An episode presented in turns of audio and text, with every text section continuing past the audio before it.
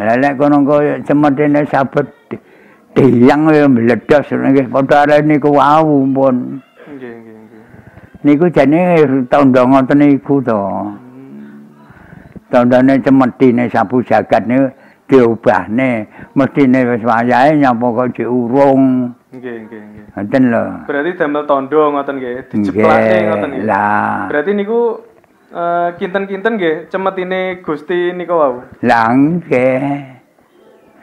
Mulane jane wayahe ora ora wani ngomong.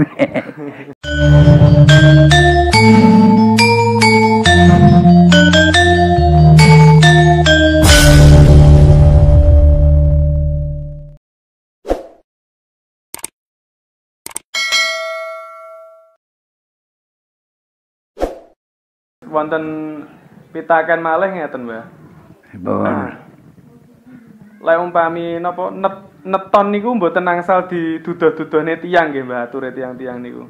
Mengke lek diduduh-duduhne tiyang ature teng napa ngoten lho, napa Oh niku bab ngoten. Lek pancen tasik Joko utawi perawan, kedahipun pancen ngoten. Sebab napa? Upamane tasik Joko sok dikarane mestine ora pas cara diteliti, ora pas dadi judune engko terus digawe. Maksudnya digawe gampangane di disarati supaya gelem oleh karo iki. Hmm. Lah, masih wong wedok nggih manten ugi. Berarti saged tinggi damel melet ngoten, nggih. Lah, ngoten niku lho. Upamane sire ora seneng malah dadi seneng. Hmm. Mulane sok enten kalane sing wedok ungu ayu sing lanang kaya ngono lah. Ngoten niku sok soalé napa soalé saking pintere sing lanang. Nggih. Ten lho niku panjenengan wadine kedahipun ngoten. Lah lek pun napa pun omah-omah nggih biasa. Pun omah ya lek iso si- lek iso ya disimpen. Sebab cara wong omah-omah sok kalane enten sing wong kurang ajar. Ngrusoi Engko terus niku. dipaeka ampreh piye ampreh buyare napa ampreh senenge nyang kono. Lah ngoten niku. Enten sing duweni cara ngoten niku. Nah. Mulane sakniki cara anune rame. Ramene wong dolanan pikiran, ramene wong dolanan kebatinan. Ngoten niku. Mulane nggih kedahipun sing puguh, sing jejeg niku lan enten niku niku. Dadi enten benere pamane sakniki ana wong takon piye klaran apa ta. Ah aku kok lali ngoten mawon pun penak. Nggih. Dan sebab sebab nopo? Sane kamurkane kan luar biasa. Nggih, nggih. Lah kamu kamurkan iki pun wayahe entek, wayahe sirna. Lah wayahe sirna mesti cara cara anu ngoten tasik ijik mumbul-mumbul. Ngoten lho, mumbul-mumbul karepe sik golek kurang golek neh kurang kurang trima. Nah niku mlane apike nggih disimpan. Sebab sakniki akeh wong pintar, akeh wong meleti, wong dicablek ngono jaluki apa-apane kena. Lah siyan mboten enten. Lah niku.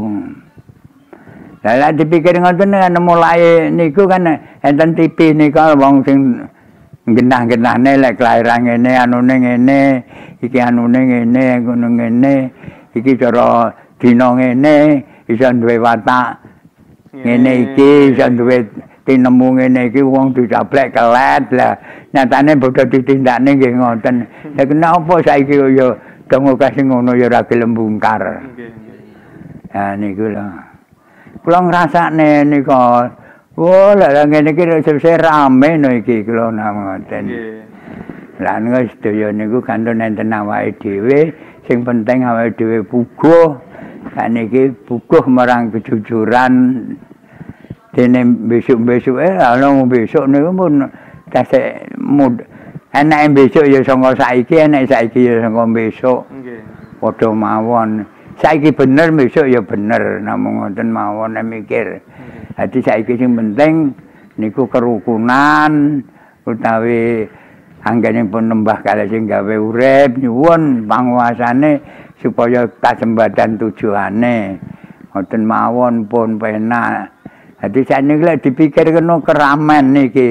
Nggih. keramen mergo ya pancen wis wayahe mulih cara cara wong lo mulih nyang kandange dhewe-dhewe mlana nggih keramen niki dadi lek ditriti luwih rame tenimbang sing pun Nggih. dan dadi mlana nggih awake dhewe kantun puguh. Saniki sing penting kerukunan ora usah ngelok ning mriku ngelok ning kene mboten enten gunane. Nggih. ha niki Terus Mbah, Pun wingi niku wonten tandha malih Mbah. Nggih Bar Gunung Krakatau meledos nika kan enten swara dentuman utawi napa nggih. Enten swara bledosan tapi mboten enten wujude. anu wonten Wonten swara tapi mboten enten wujude ngoten lho Mbah. nek bagian Sing Krakatau sing lho. Krakatau. Terus, terus lek sing wingi niku bar kula wangsul saking mriki nika dinane apa kiri? Rebo ya. Pokoke bar kula wangsul saking mriki nika dalune ngoten yen. Niku sing nyemerepi tiang Jawa Tengah kalih daerah Ponorogo, Mbah. terus enten Nggih, niku kinten-kinten napa lek menurut jenengan? anu nggih mledos Nggih, tapi Swara. swara meledos tapi mboten enten wujude ngoten. Nggih. oh Niku merapi kados e balik sing teng Jawa Tengah niku. lek niku kok ngeten nggih Nggih. Saking pamawas kula lho nggih Nggih. niku tandha cara anune nyapa kok dindek Hmm. ngeten lho Nggih, nggih, nggih. Jadi maksudnya niku kudu ndang disengkane. Wis wayahe nyapa kok dindek. Lah niku dindek lho Gunung Merapi mluwedhos malih lah mereka nyusahne wong. Nggih. Nah niku. Niku lek Gunung Merapi mledos malih mubale mubale genine luar biasa lho. Nggih. Nek niki dindek. Nggih.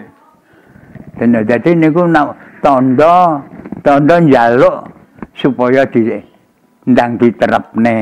Hmm. Dadi cara wong sing iki sing angon kebubule ya bendang mulih nyang kandange dhewe sing sing waune bagiane kidul ya ben ngidul sing bagiane kelot ya ben cukup kelot ngoten lho. Nggih, nggih. Karepe Lah niku- ngoten niku. Nggih. Lah niku sing ngendhek sinten, Mbah? Nun, Sing ngendhek niku sinten? lha sing ngendhek lho ya. Bangsa luhur niku. bangsa luhur-luhur niku lho. Niki kan cara disawangon lah sik. Iki karepe mumbul, iki karepe cik gandoli. Hmm.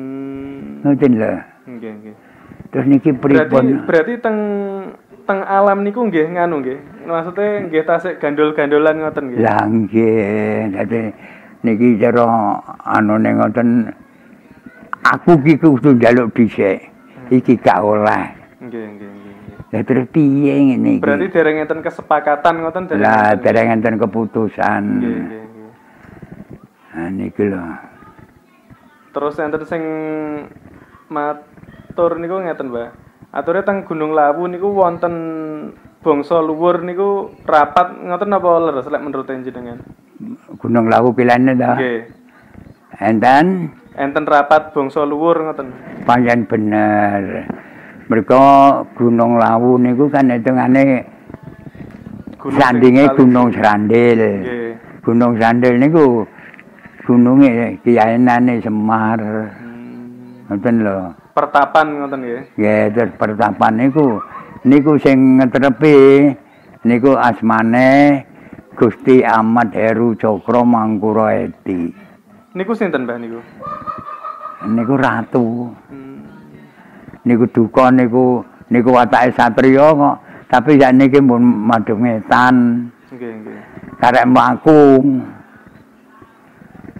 niku numpak jaran wis ngagem cemeti Loh, niku bangsa luhur napa menungso, Mbah? niku bangsa luhur Bangsa luhur nggih. mulai topa wis pirang-pirang no taun kok Oh, nggih, niku Berarti nggih ngentosi, ngentosi napa niku sing nindakne, Mbah? Ya ngenteni no. Ngentosi nggih. Lah nek kono kok cemetene sabet di- tiyang ya meledos nggih padha arek niku wau pun. Nggih, nggih, nggih. Niku jane tandha ngoten niku to. Tandane cemetine sapu jagat niku diubahne mestine wis wayahe nyapa kok diurung. Nggih, nggih, nggih. Ngoten lho. Berarti damel tondo ngoten nggih, diceplakne ngoten nggih. Lah. Berarti niku eh, kinten-kinten nggih cemetine Gusti niku wau. Lah nggih. Mulane jane wayahe ora ora wani ngomong. jane wayahe. Nggih, mengke dinganu mawon. Lah nggih. Pas jenenge mengke kula tutupi mawon. Nggih. Lek jenenge oleh mawon, Mboten napa-napa. mboten napa-napa. Barang wis wis diucapne ya ora apa-apa. Nggih. Mboten napa-napa niku. Mboten. Dadi asmane Gusti Ahmad Heru Cokro Mangkura Edi. Nggih. Niku gandeng kalih Wahyu Tanah Jawa. Hmm, Ngoten lho. Nggih. Lek wahyune Tanah Jawa ni- niku ya Gusti Ahmad sinten ngoten lho. Nggih. Tapi kula mboten paham. Lah niku kok saged genah jenenge ngoten pripun, Mbah, jenengan? Mereka niku saking Mbah Imam Syafi'i. Hmm, Mbah Imam Syafi'i kan niku kancane. Nggih, nggih, nggih. Kancane nalika nampa kelimah sepisanan kalih pangeran niku enten ing ilmu sepisanan temurun temurun temurun dadi temurun kalih teng Mbah Imam Syafi'i ini sampun temurun kaping 3. Nggih. Ngoten lho. Niku terus niku di genahne temurun sepisan iki ping pindho iki. Lah kuwi melek dadi wahyune tanah Jawa. Ten mestine ya sing ngomong tanah Jawa. Besok akhirnya sareng kalih kiyainane Semar niku. Ten lho. Berarti Kanjeng Ahmad niku eh Gusti Ahmad Gusti Ahmad niku nganu Mbah, napa? Se- Sedereke Mbah Imam Syafi'i napa rencange? rencang, re- Rencang, ngarane rencang. Nggih, nggih, nggih, nggih. Wong nalika mulai sepisanan niku Mbah Imam Syafi'i niku kon nunggu. Hmm, Lah kon nunggu wong topol 40 dina. nggih, nggih. Terus kali Mbah Imam Syafi'i ditinggal ngoten napa? Panjenengan pun diperintah. Nggih. Diperintah wis kowe tindakno bagianmu tindakno ngoten lho niku. Kan duwe bagian dhewe-dhewe to. Hmm, nggih, nggih. Kan Lah ku niku nerusne asale topo. Terus sing sanese niku iki tindakno. Ngoten. Di bagian dhewe-dhewe niku sing merinci para satriya tanah Jawa niku bagian ngoten lho. Nggih, nggih. Iki besok jenenge iki, jenenge iki, jenenge iki. Lah niku niku sing duwe bagian kiambak-kiambak. Dan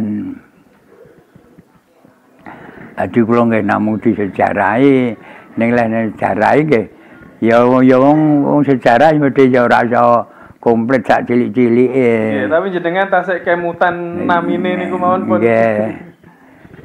Eh, Niku namine ben kemutan. Nggih. Lek sing dadi wahyune niku nggih niku arane nggih Gusti Gusti Ahmad ngoten ning teruse kula sing kesupen. Nggih, nggih.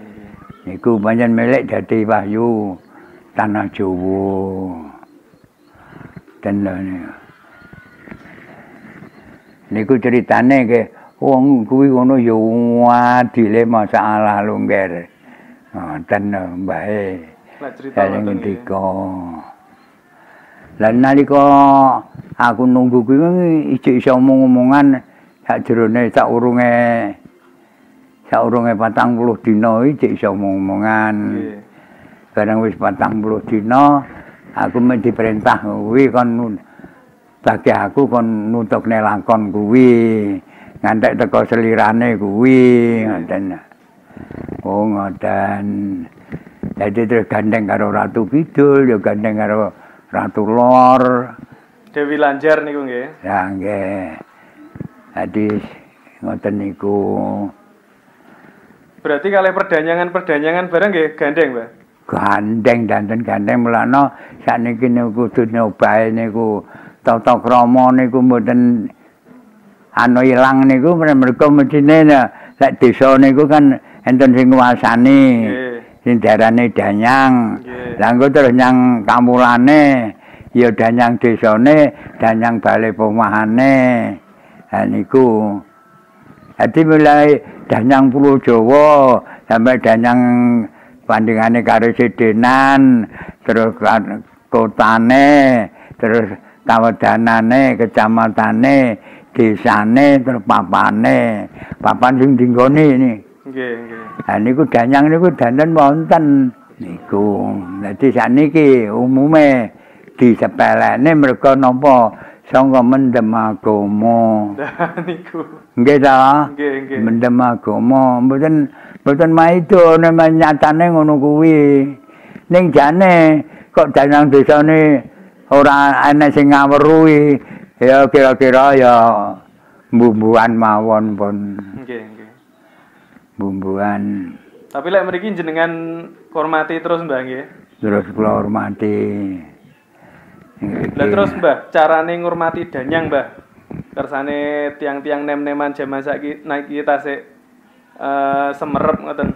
Jadi pamane ngeten niki pamane kata ngen sampean, pamane danyane weru niku jimbun. Medine uh, jimbun niku medine kan anu to. Sapa? Ki Ageng Jimbe niku. Nggih, Ki Ageng Jimbe. Lah niku dikawruhi pamane jaman suku pamane napa setahun pisan napa-napa dadi ngawruhi Ki Ageng Jimbe. kula suka penghormatan. Nggih gandane nggih rasane. Pokoknya kaya menyane kan gandane. Gandane nggih rasane. Wonten kekiranganipun kula nyuwun pangapunten lan kula nyuwun supados kula dipun ayomi kula sawarga sak anak putu kula sumrambahe dhateng kiwa tengen kula saged selamat dadi bong-bong iku. Dikutuk-kutuki ngono. Lah, kuwi dadi setahun pisan ngono wis apa-apa. Nggih, sing penting tasih emet lah. Ku bane diweleng upamane ana apa-apa aja sampe gambane ganggu gawe keluarga. Ah, kula Ati keluargane iso selamat kabeh. Nah, jadi kono kan mesti roh dhisik. Soale mesti dipamiti. Hmm. Mereka kuwi sing jaga. Berarti dan yang desa niku sing jaga desa ngoten nggih. Lah, itu desa. Lah, dan yang desa niku terus mangke hubungane kalih Danyang Banjar Pekarangan sampean. Enten piye, Mbak, Mbak? Lah, enek no. Hmm. Danyang Banjar Pekarangane. Eh, terus balik pemahane itu sebutne. Nggih, nggih. Jadi kene sing Ki Ageng napa? Jimbe. Ki Ageng Jimbe kan pusate. Jadi sing ngomong daerah kiwa tengen niku seranone lurahe. Oh, nggih, nggih. Ngoten lho. Niku kedahipun payan ngonten. Jadi mulane dadi tuwek barang kae pemane danyang. Mboten pamane nyandak lek sing digedhekne pamane pirantine di pamane kaya suran mulai danyang tanah Jawa. Tanah Jawa temurun kari sitinan Kediri, kota Kediri, terus temurun yang kawadanan Ngadiluwe, kecamatan Kandat, desa Selosari, sampai Danyang, Banjar Pekarangane sing di Lungguh niku. ana apa-apa nyuwun pengayuman supaya selamat. Nah nah. Umume sok-sok liya-liya kan ora enak ngono kuwi. Mrene cara cara enek apa-apa ngono iki regrek bisa babasane kakek korban iki ora enek apa-apa. Lha ngoten niku lho. Nggih nggih Hati melano, Mboten benten kaya niki kena napa? Niki pemane wong wis penyakit sak menumbane pemane iki niat dintane presen tak. Nggih. Ha niku lho. Nggih, amargi angsal perlindungane Gusti lan lantaran danyang nika wau nggih. kabeh niku wong ya enek sing enek sing nglakokne. Nggih. Dadi pemane sing nglakokne iki aja mbok terusne. Pemane pilih ana sing mestine. Nggih. Lah niku. Lah kono mestine pilih panen. Oh iki bagiane iki. Iki bagiane iki. Berarti lek sampun bagiane nggih dijarne mawon nggih. Nggih. Nggih, nggih. Pemane sakniki pemane sampeyan ngadepi iki kok bagane kidul awake dhewe mboten wani. Nggih, nggih. Enten lha jalu ijal Malah nabrak nyang awake dhewe. lah. Ngoten niku niku lek bab eh, danyang ngoten niku. Upamane niku kan ngayomi eh, kono ya bunga padha mawon. Nggih. Tapi kata-kata sakniki danyangan niku damel golek nomor ya, Mbah. Ya ora apa-apa. Kalau biasanya kan napa eh napa nggih niku keris-keris niku lho dipendeti saking danyangan ngoten niku. Tapi ya ya lah ya ya apik ya ora. Dadi lek nek keris dinten pekarangan iku upamane dijukuki no panjenengan wayahe iki sing nek pekarangane mel anu kudu goleki sing ngopeni. Niki pun wayahe. Tapi ya didelok-delok sik. Masih delok-delok ki engko jodoh apa ora. Hmm. Ya ngoten niku. Lah terus keris niku lek contone napa? Jodoh napa mboten ning ngoten pripun, Mbah? Jodone ngeten, pamane sampean entuk keris ngoten niku nggih, plak. Iki to sampean maca. Nyating niku yang purba sejati sing nguasani pusaka sak lumahing bumi sak guruping langit. Yang ingsun lho yang purba sejati. Niku manut terus sampean dikoplak, sampean templekne. Tengen Nggih. Kuwi lek rasane nyang ati iki mengadem.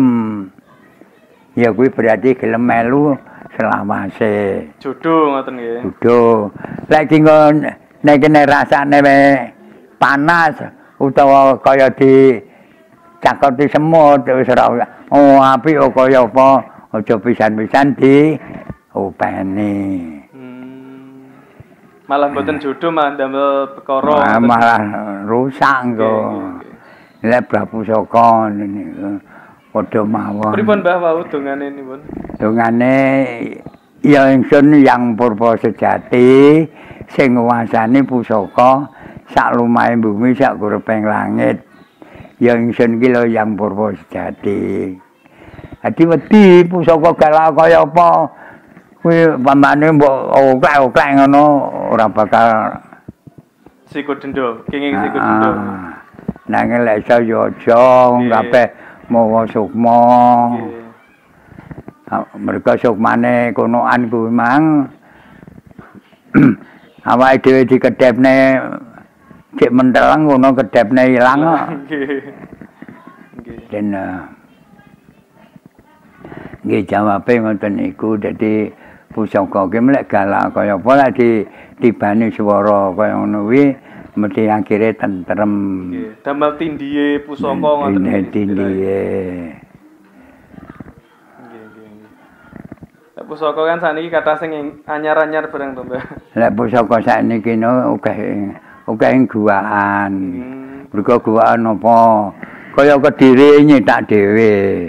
Tulungagung nyetak dhewe, Blitar monten iki. Kan modele apik-apik to nek nek pasare lho. Nggih, nggih.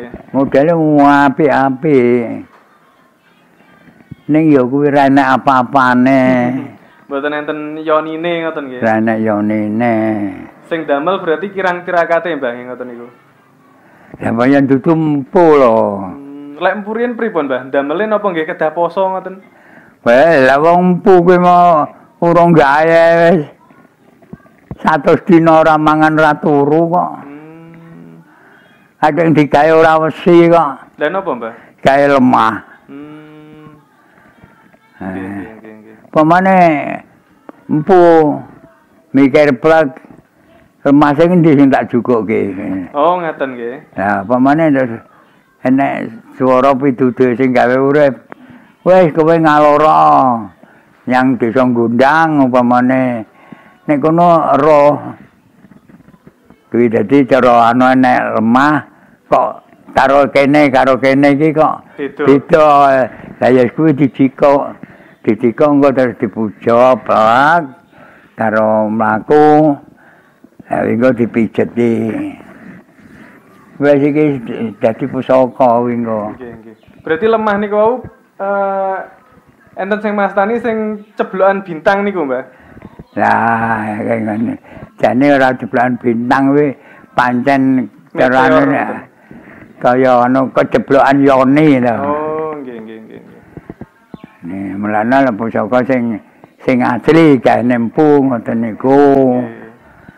Lah sing ora gawe nempu saiki ya kadang-kadang wesi dendra padha karo pusaka sing asli. Nggih. Ning yonine ora enak.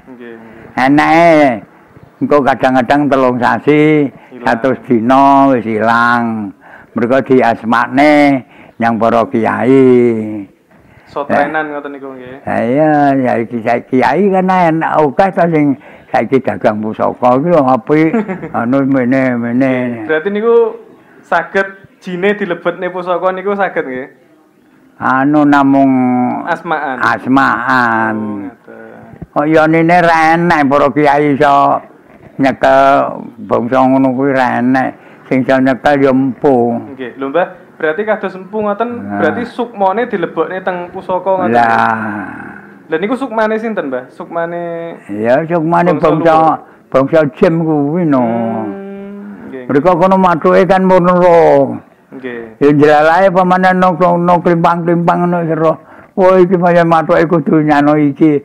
Wis blak Ne mriku. engko kada dijenengne apa ngono. Nggih, nggih, nggih, nggih. Pun mulane sak kalane pusaka di sarati, dingone, dikutuki. Ndak selapan dina ngono niku. Jadi panganane mung gandane menyan. Dan jadi lek Prabu Saka ngoten niku. Nggih, berarti kayak walaupun niku gaweane empu walaupun pun welek ngoten nggih. Tasik enten nggih yonine ngoten. Pangga. Mboten saged ilang, Bang nggih. Mboten saged kejaba lek entek kabeh. Eh, Oh, nggih lek entek mboten grepes blas Lah, apa-apane nggih. Iku. Mergo niku pancen wong damelene kalih mlaku kok. Hmm. Genine napa? Napa, Mbak? Genine. Hmm. Saking mriku nggih. Lah. Iya. Pemane lemahne diduk plek. Iki wis mbahnya Nggih. bareng banyu terus pujane wingi dadi apa diplete dawa plak apa digawe dawa sakmene niku Nggih, wingi terus meneng plak karek mu- muja iku sukmane ndi dan lah niku pamane niki kan dereng anu cara dawa no dereng dereng digathukne malih Nggih. Lah engko terus kan nek kono klimpang klimpang klimpang klimpang saut plak ditembok kene plak kene diwalek plak wis ora iso nyandin di wisan. Nggih, nggih, nggih, nggih. Kados pusakane jenengan sing teng pundi? Caruban nggih. Nggih. Di di dipek tiang terus mboten saged balik nganune niku. Lah nggih. Lah ya tunggal guru medine. Nggih. Mpun ditaleni ngoten ature. Nggih. Talene lawe. Nggih, nggih. Kadose cekap semanten riyen Mbah mengke lintu wekdal disambung malih mugi-mugi manfaati kagem rencang-rencang. Nggih nggih monggo monggo.